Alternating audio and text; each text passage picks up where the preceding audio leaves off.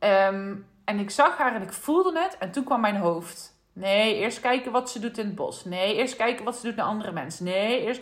En toen is mijn hoofd aangebleven. Eigenlijk weken. We hebben haar, hebben haar proef gehad. We hebben het gepraat. We hebben gekeken, ben daar geweest. En, en, en. Tot het moment dat ik kon zeggen... Maar ze is gewoon kei leuk zoals ze is, weet je.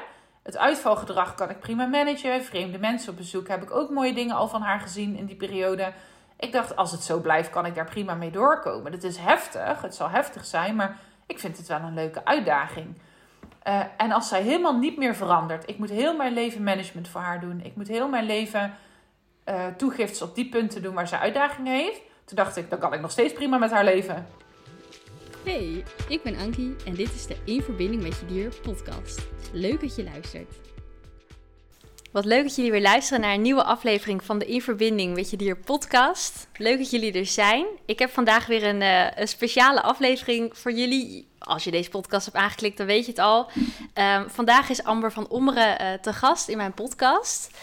Um, ik ben ook te gast geweest bij haar podcast en nu is ze vandaag ook bij mij.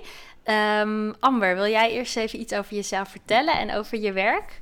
Ja, zeker. Als eerste natuurlijk hartstikke bedankt voor, jou, uh, voor jouw uitnodiging. Heel erg leuk dat ik in jouw podcast mag komen.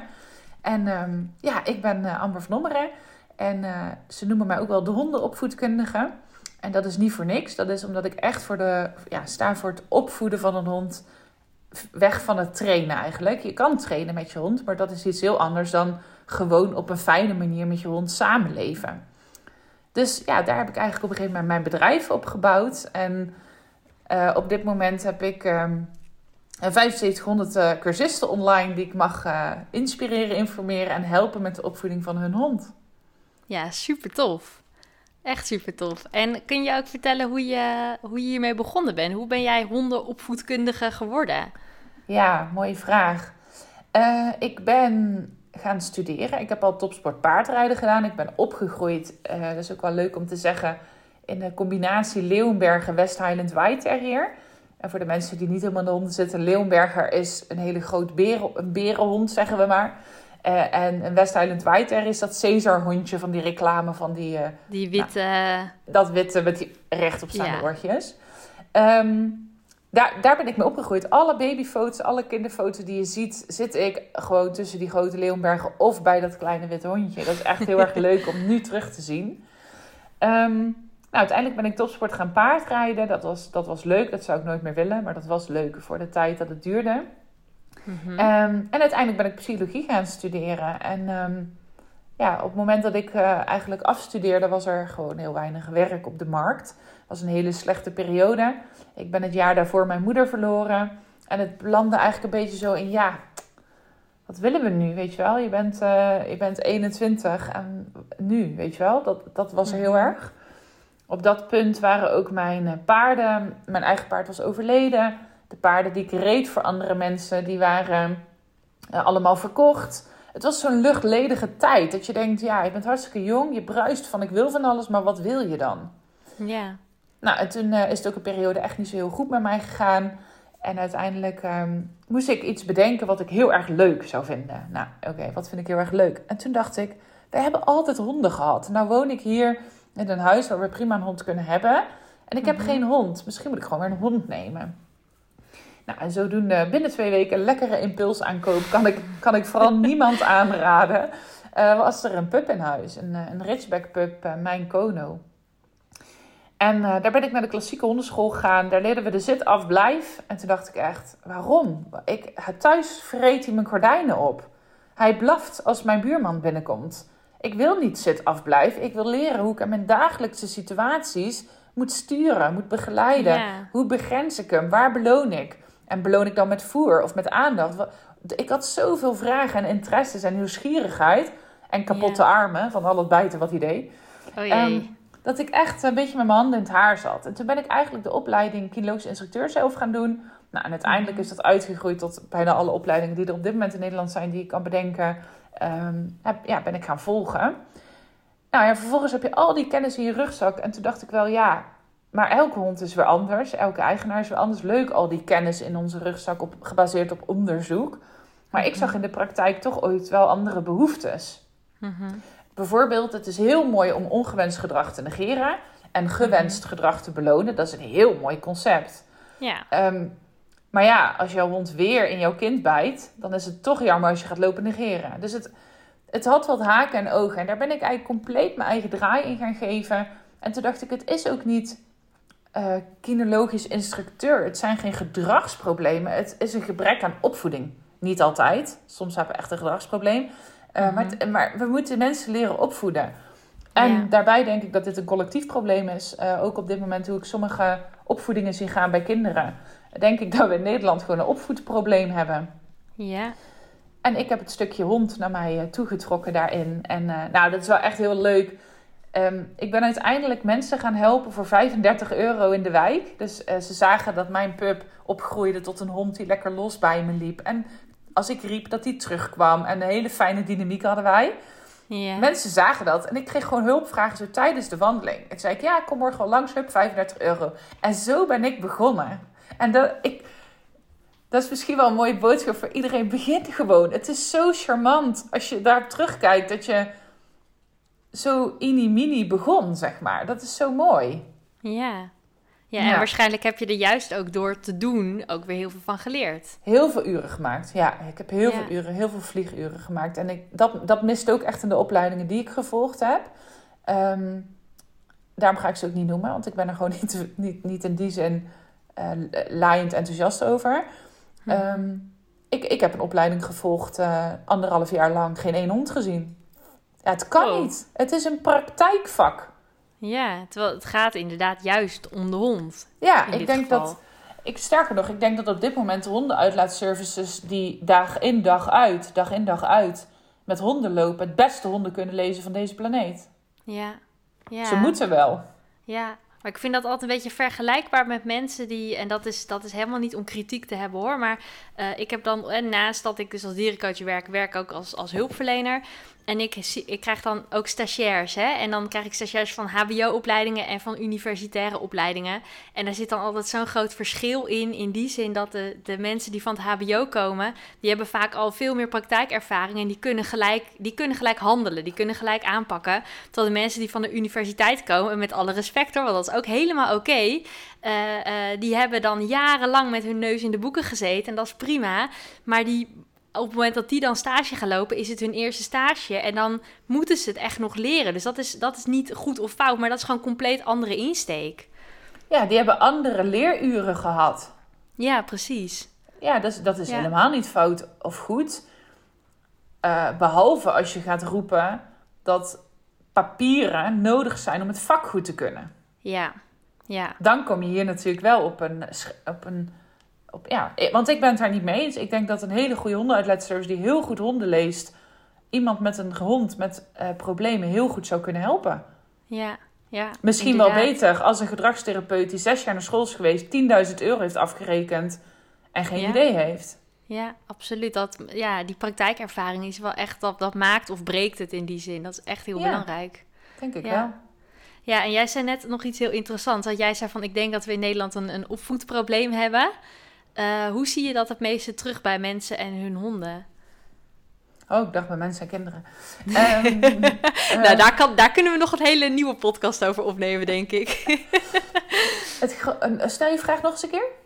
nou, ja, jij zei net van, we hebben een opvoedprobleem. Eh, hoe zie je dat terug bij mensen met hun hond? Wat gaat er mis in die, in die opvoeding? Ja. Ehm, Of wat zijn de dingen die je het meest, die je het meest, die je vaak eh, het meest tegenkomt? Ja, nou ja, de, de dingen die het vaakst tegenkomt is uitvallen naar andere honden, trekken aan de lijn, opspringen Mhm. naar bezoek, opspringen naar de eigenaar, bijten in het kind of happen in het kind. Eh, überhaupt agressie, angstagressie inzetten, blaffen in huis, Mhm. ehm, slopen. Ja. En waar komt het vandaan dat mensen niet leren hoe ze hun hond moeten opvoeden? Ik denk dat Want op dit moment... niet- Het is niet standaard in, in, in onze maatschappij of zo, snap je? Nee, zeker niet. Nou ja, ik denk dat, dat, dat je daar meteen de kern raakt. Ehm, we zijn op dit moment met te veel honden in Nederland. En we blijven maar honden uit het buitenland halen. En we blijven maar fokken met honden. Dit is een Mhm. probleem. Dit wordt nog een veel groter probleem. We moeten daarmee stoppen. Hm. Het is goed voor mijn business. Maar Ja. Als ik overbodig ben, maak ik wel een andere business. Ik heb liever dat mensen en honden zich gelukkig voelen dan... Snap je? Dat, dat vind ik echt Ja. heel belangrijk. Ja. Ehm, maar we moeten stoppen daarmee. We moeten daarmee stoppen. En als je kijkt naar vroeger, en dan ben ik nu ten tijde van deze podcast eh 33 jaar. Dus vroeger, toen ik kind was, dan hebben we het dus over pak een beet 25 jaar geleden, woonde ik in een straat en dat was een beetje een rondje. Het was een beetje gek. Ja, het was een, een ronde straat. Ik denk misschien, ik weet het niet, eh 40 huizen. Mhm. Daar hadden drie mensen een hond. Van die 40 woningen hadden drie mensen een hond. Wij. We hadden meneer Vissers, die kefte altijd heel hard. En we Mhm. hadden een paardenvrouw en die had ook een hond. Dat was Mhm. het. Als wij in het bos liepen, kwamen wij eh, Frits uit een wijk verder met zijn zwarte herder tegen. Daar liepen wij omheen, want die, was, die vond honden niet leuk, zeiden we dan tegen elkaar. Dus daar lopen we even netjes omheen. Mhm. Eh, op dit moment, als ik kijk bij mij in de straat waar ik nu woon, pak even weer gewoon 40 huizen, ik weet het niet precies. Ik denk drie mensen, drie huizen, geen hond. Ja. En deze Ja. mensen gaan wel allemaal gewoon om acht uur op het werk willen zijn en om zeven uur met de hond wandelen. En daar wordt het ingewikkeld. Ja. Ehm, en daarbij, als ze dan ook nog eens hun gaan netjes naar de hondenschool, want daar zit heel erg een ehm, paradigma op. Is dat het woord paradigma? Maar heel erg overtuiging op dat als je naar de hondenschool gaat, dan komt alles goed. Als je naar de hondenschool gaat, ben je verantwoordelijke eigenaar. Dan doe je het goed. Ja. Nou, dan loop jij op straat met een getraumatiseerde hond. Omdat hij een aantal keer door een losse hond is aangevallen. Of whatever jouw hond ook heeft meegemaakt. Dat, dat weten we helemaal niet van elkaar. Want we praten niet meer met elkaar. We oordelen alleen nog maar.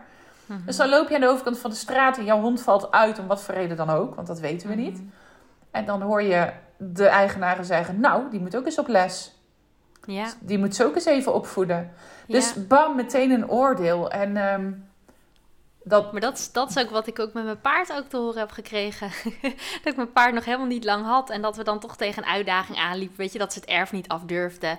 En dat er dan gelijk mensen waren die zeiden... Ja, ga maar op les. Ja, ga maar op les. Terwijl ik zoiets had van ja... Maar ho, rustig aan. Want dat, en dat zal jij met hondenscholen denk ik ook wel hebben. De ene hondenschool is de andere niet. De ene instructeur is de andere niet. Of het nou gaat over paarden of over honden of wat voor ander dier dan ook. Eh, eh, ik had echt met mijn paard iets van... ik ga daar niet zomaar een instructeur bij halen. Dan wil ik iemand die past bij mijn visie... en de manier waarop ik met mijn paard wil omgaan. Want ik kan wel eh, Jantje van, van, van de random... de, eerste beste instructeur laten komen. Maar misschien is dat helemaal niet iemand die ik bij mijn paard wil. Nee, nee. En ook vooral, ehm, ja, oké, dan komen mensen meteen naar jou toe. Je moet op les. Maar weten deze mensen dan hoe lang je dit paard hebt? Het verleden van dit paard, jouw Precies. verleden?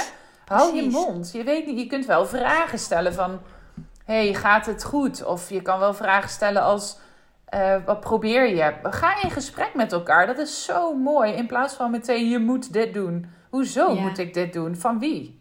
Ja, precies. Van het Precies. stemmetje in jouw hoofd? Nou, liever niet. ja, en dan heb je dus inderdaad ook nog de verschillende hondenscholen. De ene hondenschool is de andere niet.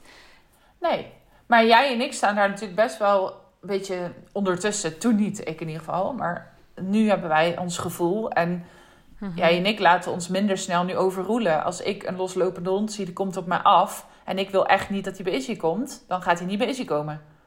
Nee. Hoe dan ook, zeg maar. Dan heb je Mhm. een bepaald zelfvertrouwen. Maar ik weet nog dat ik Kono had, die was negen maanden. Ik had geen idee. Dus het, het zit ook in ervaring en zelfvertrouwen Ja. krijgen in wat jij wil in de opvoeding met je hond. En daar, dat is misschien ook wel de essentie waar ik mensen mee help. Dat ze niet hoeven te doen wat Instagram zegt. Ze hoeven niet te doen wat alle blogs op, op internet schrijven. Ze mogen helemaal hun eigen opvoedpad bewandelen. En dat is super briljant. En als je daar dan met een heerlijke dosis zelfvertrouwen in kan gaan, waardoor je gewoon heel ja, in controle bent met jezelf en je hond, omdat jullie je fijn voelen, dan, Mhm. dan ben je volgens mij precies ja, waar je wil zijn. Ja, ja, dat is heel mooi wat je zegt. Want dat is eigenlijk ook... Ik hoorde een keer iemand zeggen van... de manier is jouw manier.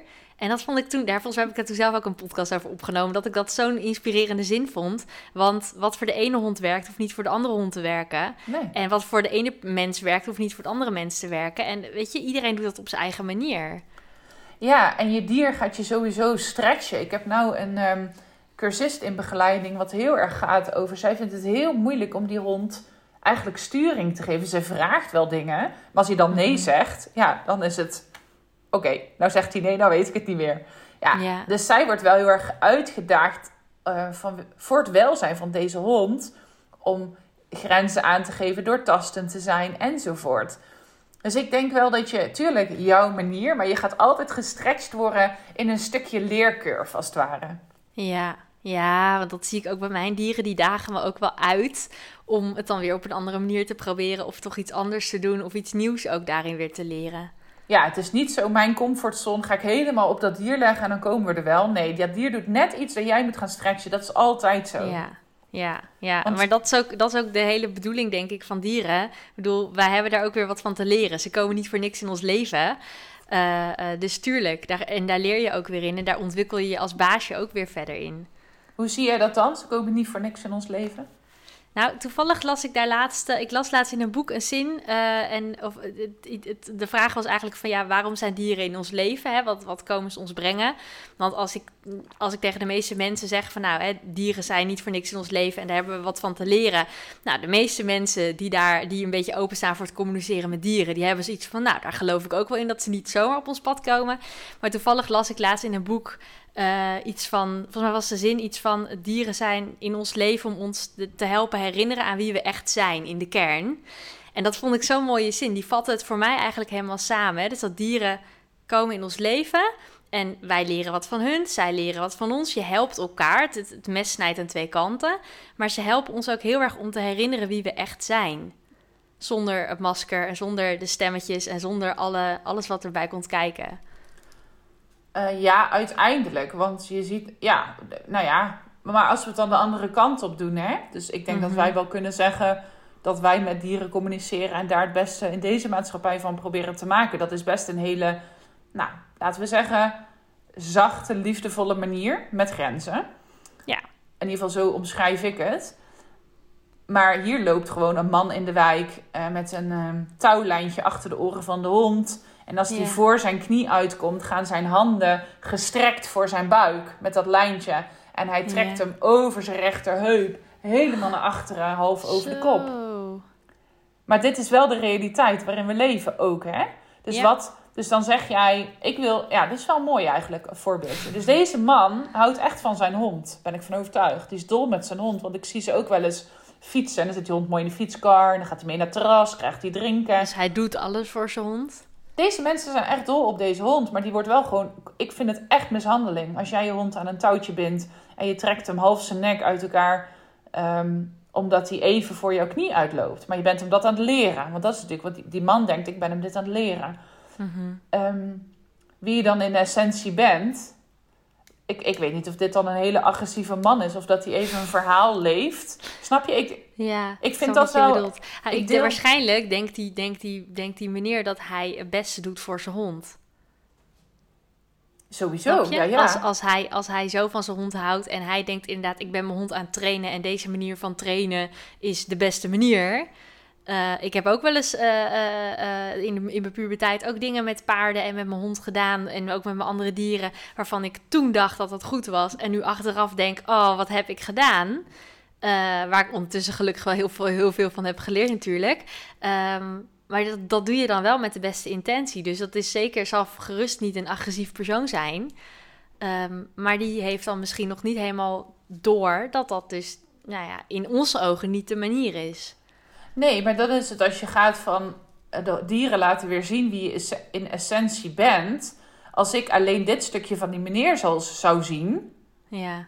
dan zou ik denken, nou, dat uh, niet in mijn huis, zeg maar. Nee, Terwijl ik. denk dat we misschien op ons sterfbed pas weten wat alle dieren in de essentie. Ja. Hè? Dat het pas later. Ik heb ook dingen gedaan met mijn dieren dat ik nu denk, hoe, hoe dan? Maar je, je groeit in je bewustwording. Ja. Of niet. Dat, dat lijkt me echt heerlijk. Mensen die dat gewoon niet hebben. Ehm, maar ik kan dat niet anders dan wel hebben. En, en dat geldt voor jou ook. Maar dan... Ik denk dat als jij en ik over tien jaar weer een podcast laten we doen, opnemen. Ja, leuk. Dan, dan denken wij nu weer, wat zeiden wij toen? Het moest toch zo? Absoluut. Dus het is in de, essentie, ja, in de essentie wie je op dat moment, in dat verhaal, op dat tijdpad bent, wellicht. Maar denk echt als je op je sterfbed terugkijkt, dat je bij elke stap weer kan zeggen: hè? Ja. Hoe dan? Ja, absoluut. En dat is natuurlijk... Kijk, ik heb nu al het gevoel dat ik heel veel van mijn dieren leer. Maar zeker als ik hier achteraf op ga terugkijken... dan ga ik er nog veel meer lessen uithalen. Ja. Ja, ja. mooi. Ja. Nou, nu komen we eigenlijk ook al een beetje bij het onderwerp waar ik het natuurlijk met jou over wil hebben. Eh, want jij hebt, jij hebt dieren in je leven. Jij hebt je hond Issy, maar je hebt natuurlijk ook allemaal dieren gehad in je leven. Eh, wat zijn dingen die je van je dieren hebt geleerd? Ehm, en vind, vind je het dan leuk dat ik doorga? Dat, ga ik echt beginnen bij mijn huiselijk gezin? eh, nee, mijn thuisgezin, zeg maar. Of nu mijn gezin, zeg maar. Mijn familie of Ja, mijn dat- gezin? Wat je, wat je zelf wil, wat, je- wat jij fijn vindt. Nou, ik Waar jij het iets wel- over wilt delen. Ik vind het wel heel leuk om terug te gaan in mijn kindertijd. Want wat ik toen deed was eh, met de Leeuwberger en de Westie. Eh, deed ik, eh, ik werd heel druk, altijd na het avondeten. Heel, heel, heel druk. Kan ik nog hebben, dus dat is interessant. Ehm, maar dan werd ik heel druk. En dan zei ze op een gegeven moment: Ga jij maar lekker met die honden spelen. Weet je wel, dan, was ik, dan rende ik in ieder geval niet door het huis. Dus Ja. dan ehm, deed ik ze over mijn benen heen laten lopen. Deed ik mijn arm omhoog en moest ze overheen springen. En dan deed ik stokken neerleggen. En nou, op een gegeven moment had ik een heel parcours wat ik dan met hun liep. En dan waren we klaar. En dan was ik heel tevreden. Ehm, of ik bedacht weer wat nieuws. Of ik deze borstelen. Dus ik, wat ik daarvan geleerd heb is het spelen. Het spelende wijs. Want ik trainde niet met voertjes. Ze deden dat gewoon voor mij omdat ik dat vroeg en leuk en gezellig. Ik zie het me nog doen op, op, achter in de tuin. Ik vond het fantastisch. En dan gewoon een bezem op zijn zijkant, een emmer. Echt houtje touwtje, zeg maar. Ja. En een Leeuwberger agility-achtige dingen. Dat is natuurlijk ook een beetje gek. Maar dat deed ik wel. Vond ik hartstikke leuk.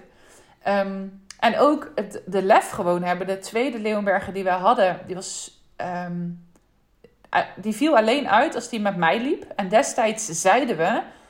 Hij beschermt mij. Wij waren dikke maatjes. En het idee van heel mijn gezin... Mijn ouderlijk gezin was... Hij beschermt jou. Jij bent de jongste. Achteraf nu, met alles wat ik weet, denk ik... Die hond was gewoon hartstikke eh, nerveus en, en eh, gestrest dat ik met hem liep. En helemaal la veel te jong met een grote hond liep eigenlijk. Ja. Maar dan wist ik, dan kwam er een hond aan en dan deed ik gewoon drie keer de lijn om de boom. En dan ging ik er zo in hangen met mijn handjes. En dan hield ik hem gewoon. Wow. Dus, dus het was wel gewoon een stukje lef en doen. En ik was niet bang dat dat dan niet goed zou gaan. Helemaal niet. Ik, ik Je dacht deed helemaal niet na over wat er... Hè, zoals volwassenen gaan dan nadenken over wat er allemaal mis kan gaan. Ja. Dat had jij helemaal niet. Nee, dus daar het stukje, hè, de, dus, dus het speelse en het stukje gewoon met lef. Gewoon maar doen. Gewoon maar doen erin gaan. Ja. Als ik daar nu op terugkijk. Ehm, en wat ik daar ook van geleerd heb is... ehm, mijn zus is een periode uit huis gaan wonen, samen gaan wonen. Dat liep op de klippen, is ze teruggekomen en toen had ze een kat. Maar een West Highland White Terrier, zeg maar, die vindt katten... Als je daar niet echt gesocialiseerd bent, is zeg maar wel een uitdaging. Ja. En wat ik, wat ik daarvan geleerd heb is dat die kat leefde op een gegeven moment boven en de hond dan beneden. Ja. En de kat kon door het dakraam dan op avontuur, zeg maar. Dus die had wel meer als alleen boven. En we hadden een hele grote boven. Maar die Westie ging dan echt met zijn hoofd op de eerste tree staan kijken. Want die kat heeft natuurlijk een paar keer geprobeerd van die trap te komen. Ja. Maar zij kon gewoon dagen, voor mijn gevoel, ik weet niet of het zo was, maar voor mijn gevoel dagen, naar die eerste traptree kijken. Want dan, dat was zeg maar een open trap. Dus dan ging ze eronder aan de achterkant Ja. zitten kijken. Ja. Daar heeft ze natuurlijk een paar keer succes mee gehad. Nou, en nou, die volharding, achteraf is het natuurlijk super neurotisch en super dwangmatig. Ja. Maar dat is nu, toen dacht ik alleen maar, wow, wat een volharding. Weet je wel, dat je gewoon naar een tree blijft kijken waar eigenlijk de meest van de tijd niks vanaf gaat komen. Maar die Ja. enkele keer dat er dan iets afkomt, dan wil je er wel bovenop zitten. Ja. Ja. Ehm, eh, achteraf super zielig hoor voor die hond. Dus eh, dat is niet iets wat ik pretendeer. Maar ja, dat, het, het- ja, het is ook volharding. Het is ook Ja. neurotisch, maar het is ook volharding. Dus dat is wel wat ik ehm, ja, daarin heb geleerd. ja, precies. En verder? Ja, ik weet nou, niet wat, want jij hebt natuurlijk ook paard gereden. Ja, toen kwam ehm, ook wel toen ik, nou, ik was negen, toen kreeg ik mijn eh, eerste paard. Ehm, dat is sowieso wel een grappig verhaal. Eh, mijn ouders zijn van Rotterdam. Heel mijn familie is van Rotterdam. En we hadden één regel en dat is acht meter bij een paard uit de buurt blijven. Want dat is gewoon levensgevaarlijk. ik kon net praten. Ik zei eerder paard dan mama. Dus echt, eh, de kast was paard en een eend was paard. Alles was paard. Ja. Nou, en toen ik vijf jaar oud was, mocht ik in Frankrijk voor de allereerste keer door de bergen rijden. Met zes, voor mijn gevoel zes begeleiders om me heen. En nou, ik ging rijden. Nou, dat was zo'n ervaring. En toen was helemaal alles paard. Uh, toen zijn we teruggekomen, hebben ze mij nog twee jaar tegengehouden, denk ik. Net twee jaar. En toen ik zeven was, uh, mocht ik dan op paardrijles. Ja. En uh, van één keer in de week zat ik binnen een half jaar drie keer per week te paardrijden. Wow. En ik was daar al, altijd. Um, dus toen ik negen was, kreeg ik een leasepaard, Mickey. Een haflinger. Omdat mijn ouders wel eens even wilden zien van... Nou, als het eenmaal van je eigen is, weet je wel, dan dan ga jij daar niks meer mee doen. Ik dacht, oh, nou, grappig. ik weet niet wat er gebeurt, maar ik ga alles geven wat er in me zit. Dus ik kreeg die aflinger en uh, te leasen, dus die was van de manege, maar ik was eigenlijk eigenaar. En ik gewoon drie keer per dag erheen. Voor school, tussen de pauze, uh, s'avonds, heel de avond was ik daar. Ik vond het fantastisch. Dat is zo'n fijne tijd geweest. Zo, dat was echt een pennymeisje droom die uitkwam en Waar ik papa en mam zo dankbaar voor ben. Want er waren zoveel kinderen in de klas die toen een pony wilden of een paard wilden, dat niet kregen. En ik kreeg dat gewoon. Dat was echt, mijn hart knapt nog steeds uit elkaar. Dat was zo fijn, zo fijn. Wat mooi. En, uh, ja, heel mooi. Dus toen zagen ze wel dat ik het deed. Nou, en toen uh, gingen we dus een beetje voor een eigen paard kijken. Maar we hadden het idee, dat duurt nog wel even. Want ja, je koopt niet zomaar een eigen paard, toch?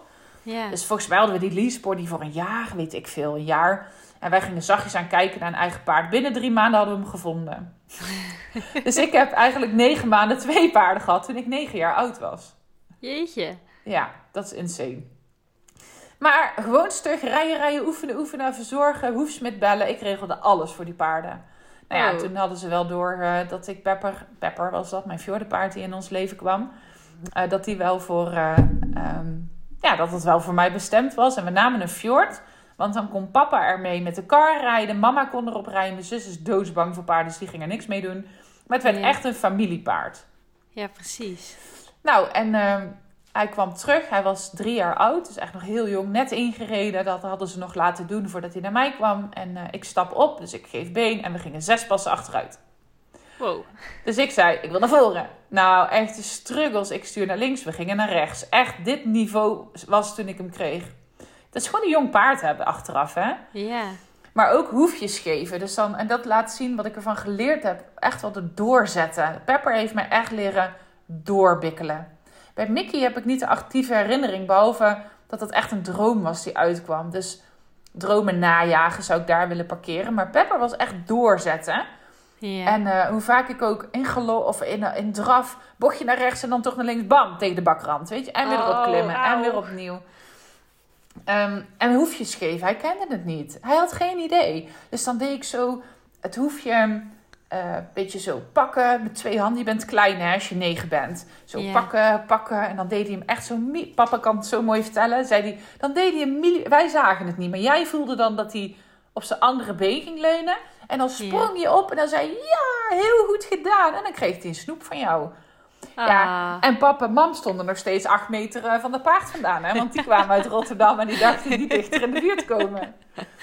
Ja, dus dat, eh, dat, daar heb ik echt doorzitten en eh, zelfstandigheid en een heel groot verantwoordelijkheidsgevoel eh, ontwikkeld. Ja. Maar ook wel dapper dat je dan eigenlijk achteraf... Waarschijnlijk, misschien had je dat toen helemaal niet door als negenjarige. Maar ik vind dat best wel dapper dat je dan als kind echt met zo'n jong paard eigenlijk... Nou, helemaal bij, bij nul eigenlijk begint. ja, wie doet dat nou als ouders? Dan heb je er echt geen verstand van. De meeste ouders regelen dan eh, een, een, een wat oudere, ervaren paard, zeg Nee, maar. dat deden al mijn Ja. vriendinnen op een gegeven moment. Nee, ik had zo'n jonkie. Dus... Maar dat maakt wel dat onze band zo speciaal altijd is gebleven. Want eh, hij heeft alle fases gewoon gezien van mijn leven. Ja. Hij is uiteindelijk ingeslapen. Toen was ik... Oh, dat weet ik nooit zo goed. Ik denk dat het nu... Even goed nadenken. 2016 is hij ingeslapen. Oké. Zeg ik dat goed? Ja, dat zeg ik goed. Dus ja, toen was ik al eh, ruim 20. Ja. Dus hij is eigenlijk helemaal met jou opgegroeid. Ja, dat is toch... Hij is 18 jaar bij mij geweest. Dat is toch fantastisch? Dat is fantastisch. Kijk, ik ben niet in Kenia geweest met mijn school om een put te graven. Ik eh, Ja. ben nooit wezen wintersporten. Want ik was altijd aan het paardrijden. Dus tuurlijk heb ik, heb ik er offers dingen voor gelaten. Maar ik, het was fantastisch. Ik kan op dat niveau verbinden met mens en dier. Wat mooi. Ja. Ja, heel bijzonder. Heel bijzonder. Zijn er nog meer lessen die je van Pepper hebt geleerd, behalve het doorzetten? Ja, onze eerste concours. Uiteindelijk is Pepper uh, na een periode op de manege... zijn wij um, naar een dressuurstal gegaan. Eigenlijk uit nood. Uh, Dat is niet een leuk verhaal om te vertellen... maar gewoon gedoe op die manege. En uiteindelijk naar een hele fijne dressuurstal. Daar heb ik vier jaar... of uiteindelijk tien jaar getraind. En die instructrice zei tegen mij... ik wil haar naam wel noemen. Petra Cox was het destijds. En ja. Petra zei tegen mij... Amber, als jij wilt dressuren, we gaan gewoon kijken hoe het loopt. Hoe, hoe ver we komen. En toen zei, ik, toen zei papa tegen haar... Nou, uh, als ze de subtop haalt, krijg je een etentje. Dus dat was toen ZZ Licht. Nou, ik oefende. Elke dag ging ik oefenen, oefenen, oefenen. En um, toen op concours, op concours in de B denken ze nog van... Uh, ach, dat hebt wel weg. In de L1 denken ze, het wordt nu vervelend. In de L2, als je kringkampioen wordt, krijg je gezeik. En toen ging ik M1 rijden, dat vergeet ik nooit meer... Ik um, rijd de baan binnen. Hij had een hele mooie uitgestrekte draf. Ik doe mijn eerste uitgestrekte draf. En toen schreeuwde er een man door de baan. Dus heel kwetsbaar, hè? Uh, ga toch naar huis met je karrepaard. Jeetje. Ja. En toen was ik puber, hè? Dus dan komt ja. zoiets echt uh, hard aan. En ik heb toen mijn tranen ingeslikt. Want ik dacht, focus. Blijven focussen. Dus dat ja. is een grote les, hè? Focus. En echt leren omgaan met het gezeik, het jaloezie. Het, de negativiteit van anderen, hoe je dat van je afhoudt. En papa en mama zeiden altijd tegen mij: Heb je het leuk gehad vandaag op concours? En dan zei ik: Ja, was heel leuk. En dan gingen we weer. Maar hun zeiden: Als je het niet meer leuk vindt, gaan we niet meer. Ja. En ik moest dus door die kritiek heen mijn sprankel blijven voelen, want anders zou ik niet meer gaan. Ja. En daar heb ik echt wel, uh, dat is echt een grote les geweest, dit. Ja. ja. en ja, ergens een hele harde les, denk ik. Heel maar ergens hard. ook mooi dat je hem al in die zin al heel vroeg hebt geleerd. Want dat is natuurlijk iets wat heel veel mensen tegenkomen ja. in hun leven. Ja, zeker. En toen ik eenmaal zet, zet 1, zet 2, ik heb uiteindelijk zet het licht met Pepper gereden. En ik heb, dat is heel leuk, we hebben op uh, paard en koets gereden, op horse event. Allemaal demonstraties mogen geven. Want hij was het eerste fjordenpaard in Nederland wat zet het licht ging lopen. Um, ja, dat was super cool. Dat was echt heel vet en heel cool. En een ervaring die ik niet had willen vergeten. Misschien wel anders had willen inrichten. Dat is een ander verhaal. Maar het was gewoon heel fijn. En toen Ja. kwamen die mensen uit die ponytijd echt naar me toe. Oh, we hebben nog een pony. Wil je die rijden?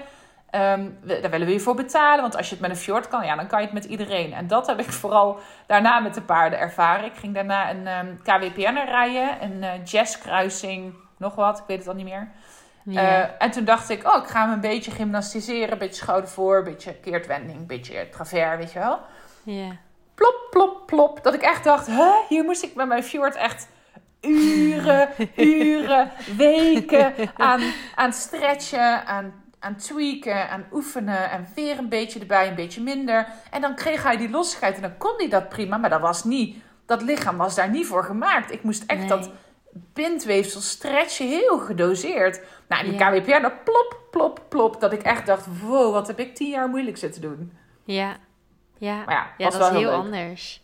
Maar dat is inderdaad, dat is ook weer een bijzondere ervaring. Ja, ja, maar Ja. echt. Daarom Ja. gooi ik hem erin. Dat is echt een leerervaring ook, ja. Ja, precies. Ja, wat mooi dat je dat, eh, dat, je dat zo hebt ervaren. Ja.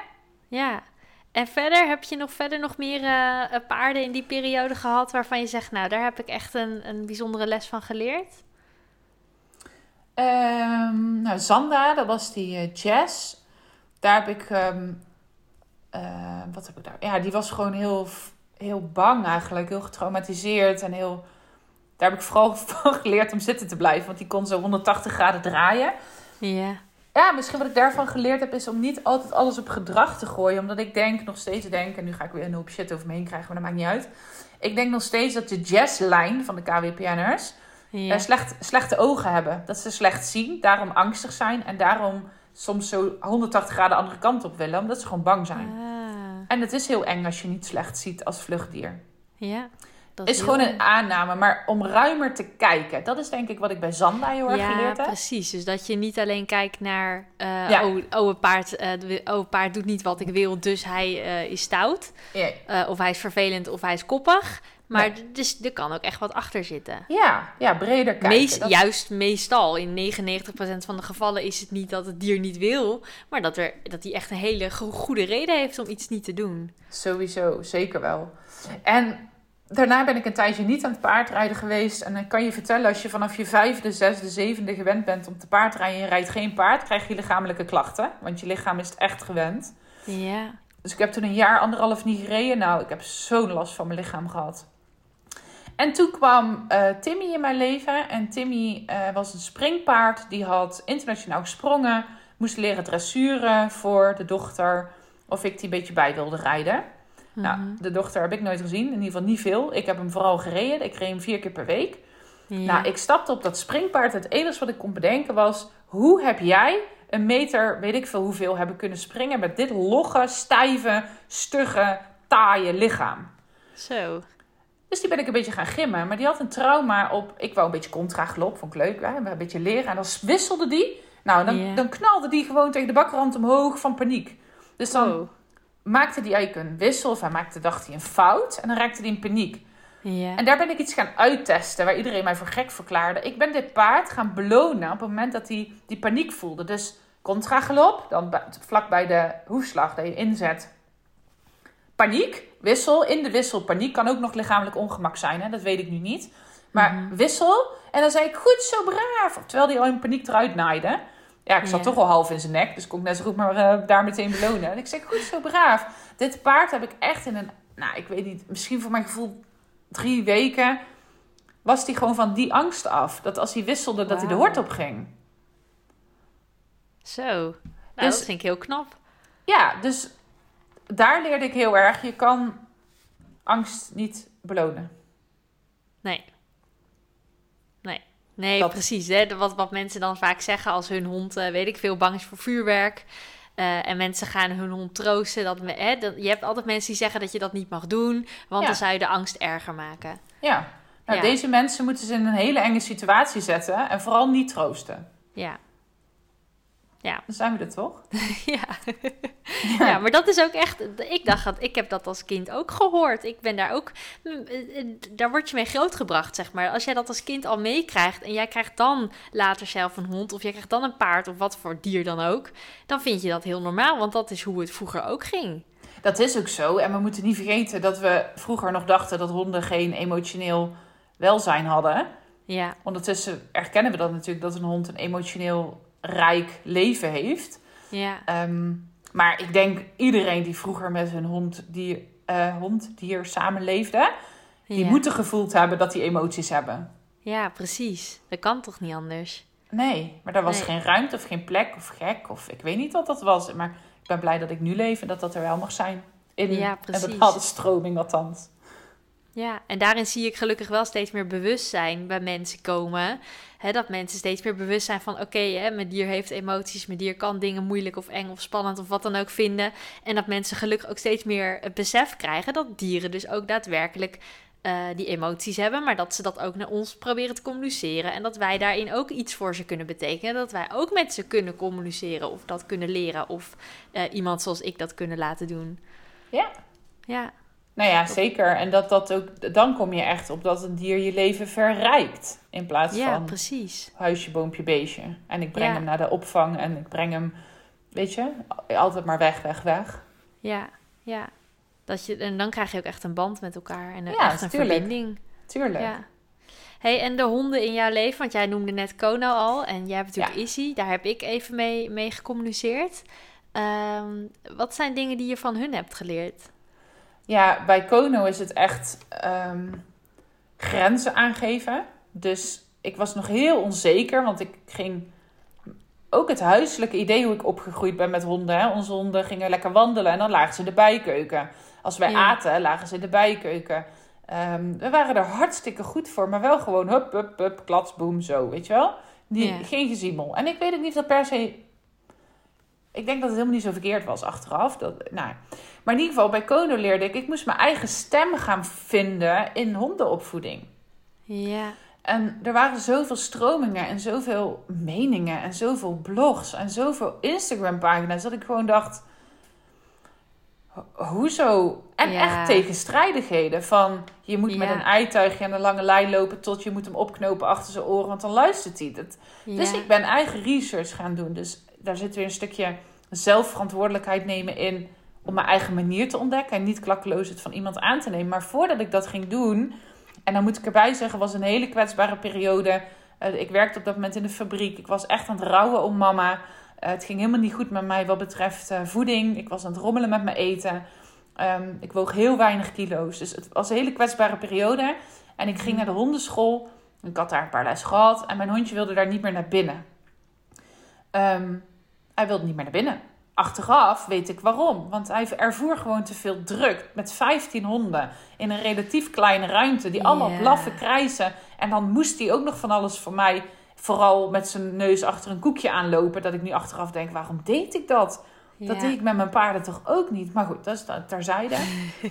ja, maar dus, jij dacht dat je de verantwoordelijke hondeneigenaar was ja. door naar de hondenschool te gaan. Ja, bij een uh, gedragstherapeut hoor. Erkend door uh, alles wat je lief is, zeg maar. Ja. Dus ik had echt wel bedacht en nou, gedacht, dit is een goeie. Ja. Um, dus hij liep niet naar binnen. En binnen dat ik, ja, ik voor mijn gevoel in een oogknip pakt zij de lijn uit mijn handen.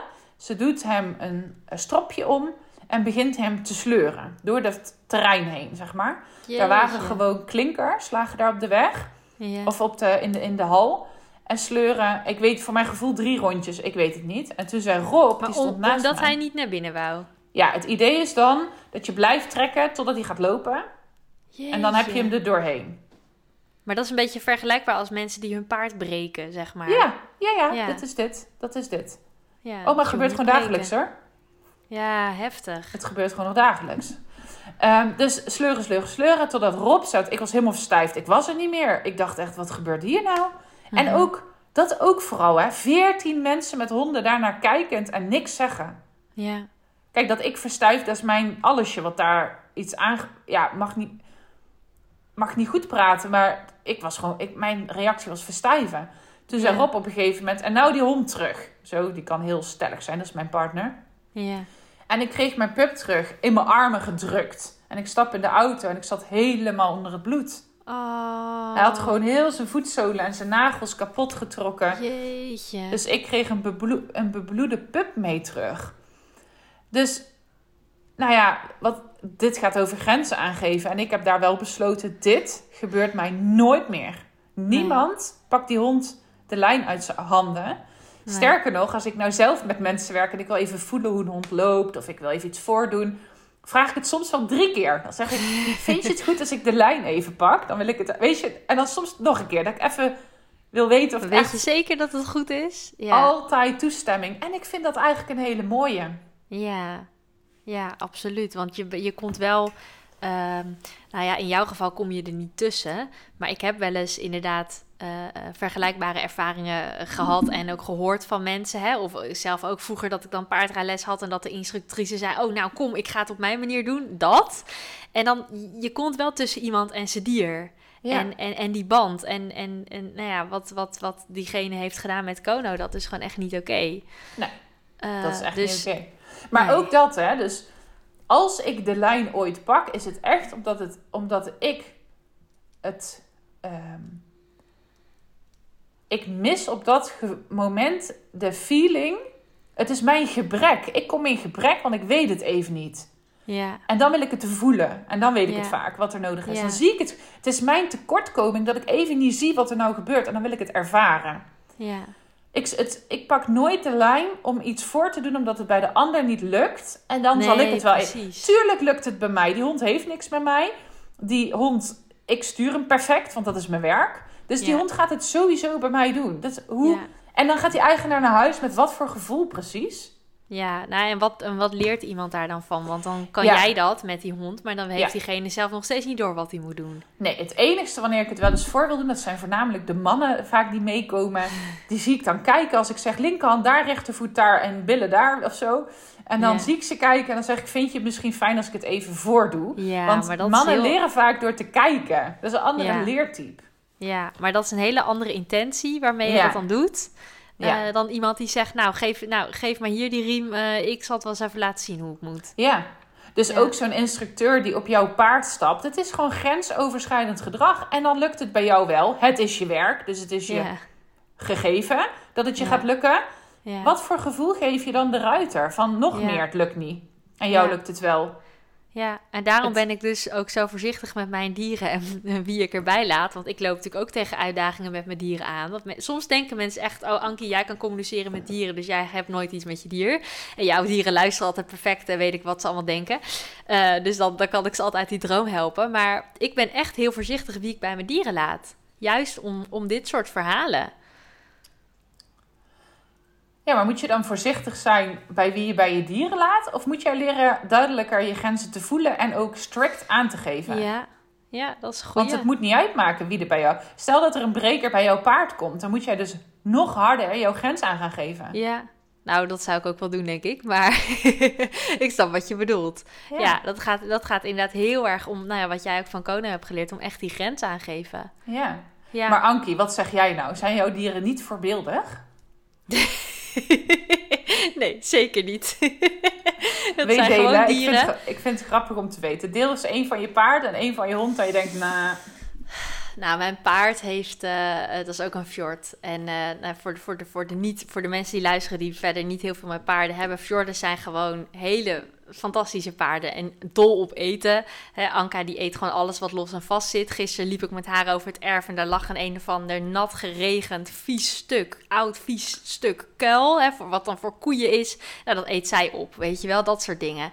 Uh, maar Anka kan, kan gewoon, uh, uh, als ik niet oplet en ik ga met haar wandelen en we lopen lekker langs een berg met heel hoog gras en ik ben niet hè, met mijn aandacht niet bij haar en ik geef haar op dat moment even niet de leiding die ze nodig heeft, dan denkt zij gewoon, ja, doei, ik ga hier gras eten. Maar omdat ik dat niet zie aankomen, dan en sterk paard, dan kan ze mij gewoon meetrekken naar het gras. Super herkenbaar. Kan je je voorstellen dat ik negen was met een fjord van drie die ook dit had? hoe vaak ik wel weer ergens stond dat ik dacht, sta ik hier weer? Ja, super herkenbaar. Nou, dat soort dingen. Hè? En, en, mensen denken dan ook van, oké, maar als, zeg maar, soms denken mensen van, oké, als mijn dier niet luistert, dan heeft hij het misschien niet goed begrepen of zo. Dan is die communicatie misschien niet helder genoeg. Maar Ankie, jij kan met je dieren communiceren, dus jij kan ze gewoon uitleggen. Dus op het moment dat jij het ze uitlegt, wat er moet gebeuren, dan doen ze dat gewoon. Alsof het een soort van robots zijn die helemaal geen eigen uh, uh, ding hebben, zeg maar, die geen eigen karakter hebben en geen eigen verhaal hebben. Dat ze het zomaar even klakkeloos doen ja, nou, daar moet ik altijd wel een beetje om lachen.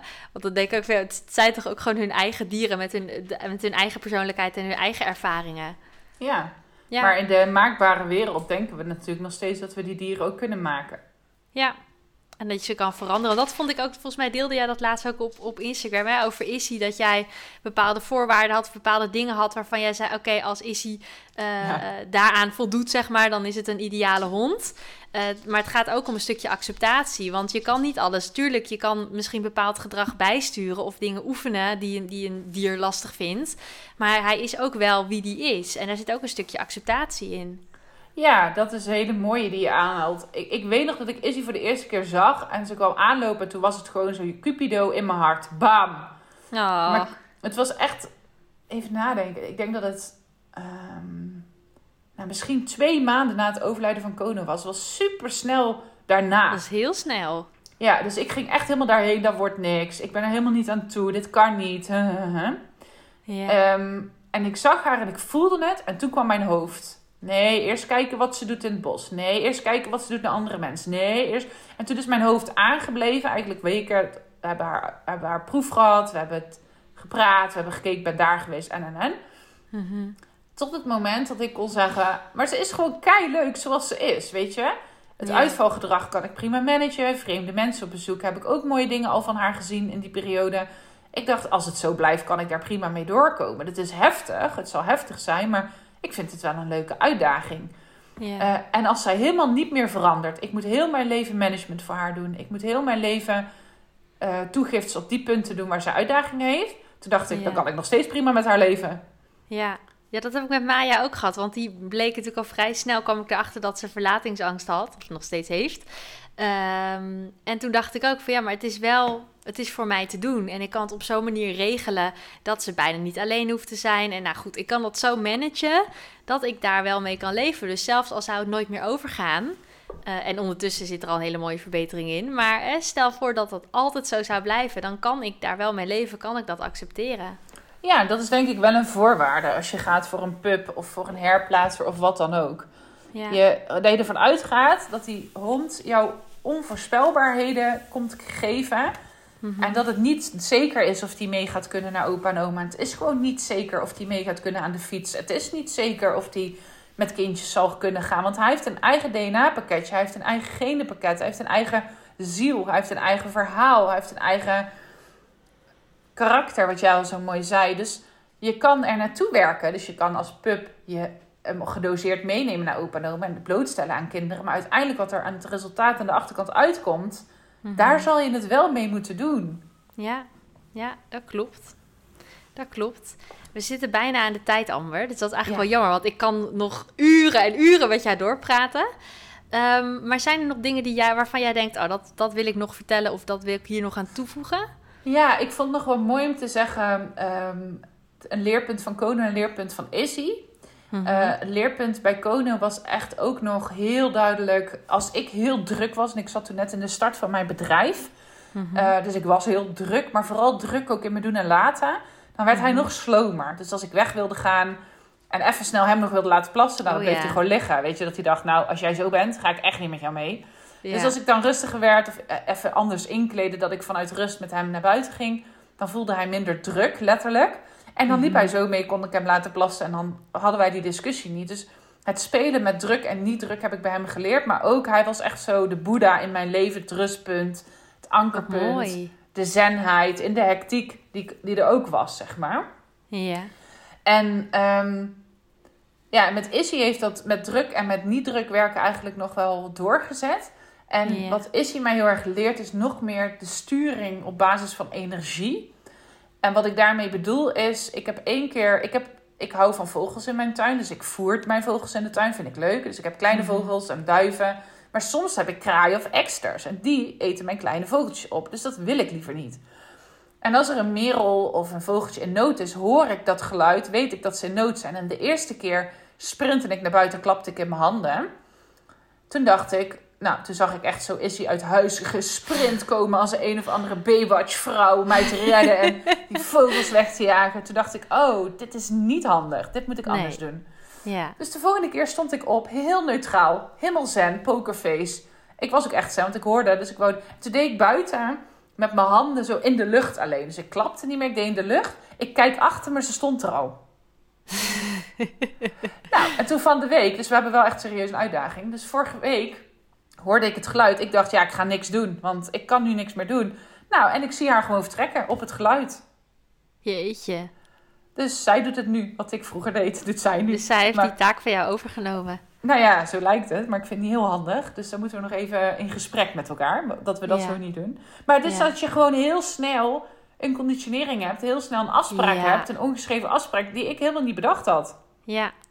Ja, en heel vaak, dit gebeurt heel vaak, het, bij mij ook en mijn dieren, maar ik denk bij iedereen, dat je dus je dier onbewust per ongeluk conditioneert, per ongeluk iets aanleert. Eh, en heel vaak hebben mensen dat dan helemaal niet door. Maar heeft dat dier zoiets van, ja, maar ho, dit was toch, dit hebben we toch afgesproken? Hoezo? Eh, wat is er nou mis mee? Ja, Dus daar ontstaan dan ook weer misverstanden. klopt. Ja, nou wel heel mooi dat jij dat in ieder geval doorhebt. En dat jij nu met Issy in gesprek kan. En ja, misschien het zo. eh, Hè, voor hetzelfde geld is er een andere taak die zij dan kan doen. Die Ja. waar, waar, jij dan, waar de vogels dan ook geen last van gaan hebben. Ja, mooi. Nou ja, en als laatste wat ik mensen zou willen meegeven. Als je iets aan het doen bent nu, omdat een trainer dat zegt. Of je bent iets aan het doen, omdat wie dan ook als, als professioneel iemand zegt dat dat goed is voor jou en je hond. En het voelt niet goed.